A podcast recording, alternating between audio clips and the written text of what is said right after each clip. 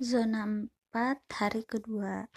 Aktivitas hari ini yaitu membereskan alas kaki, e, sandal dan sepatu. Proses kreativitasnya mengamati e, kemudian memasangkan kanan kiri kemudian dikelompokkan berdasarkan kepunyaan masing-masing karena kebetulan e, ada udah tahu beberapa bahwa ini punya eh, siapa yang ini punya siapa tujuan belajarnya untuk eh, memasangkan dan mengamati mencari mana yang serupa.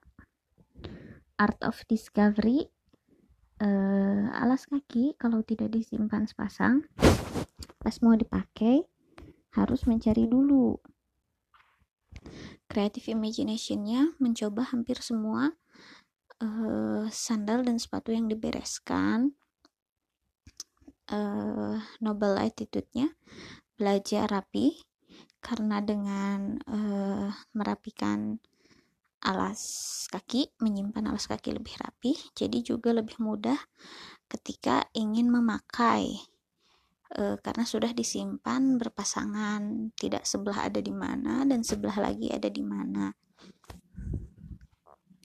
Refleksinya senang, apalagi bagian mencoba alas kaki. Dia coba e, hampir semua. E, pas nyoba yang gede tentu aja ada beberapa kali jatuh, tapi dia tetap excited karena mungkin buat dia itu uh, sama dengan bermain. Terus juga uh, ada jadi belajar uh, memasangkan benda memasangkan uh, alas kaki kanan dan kiri.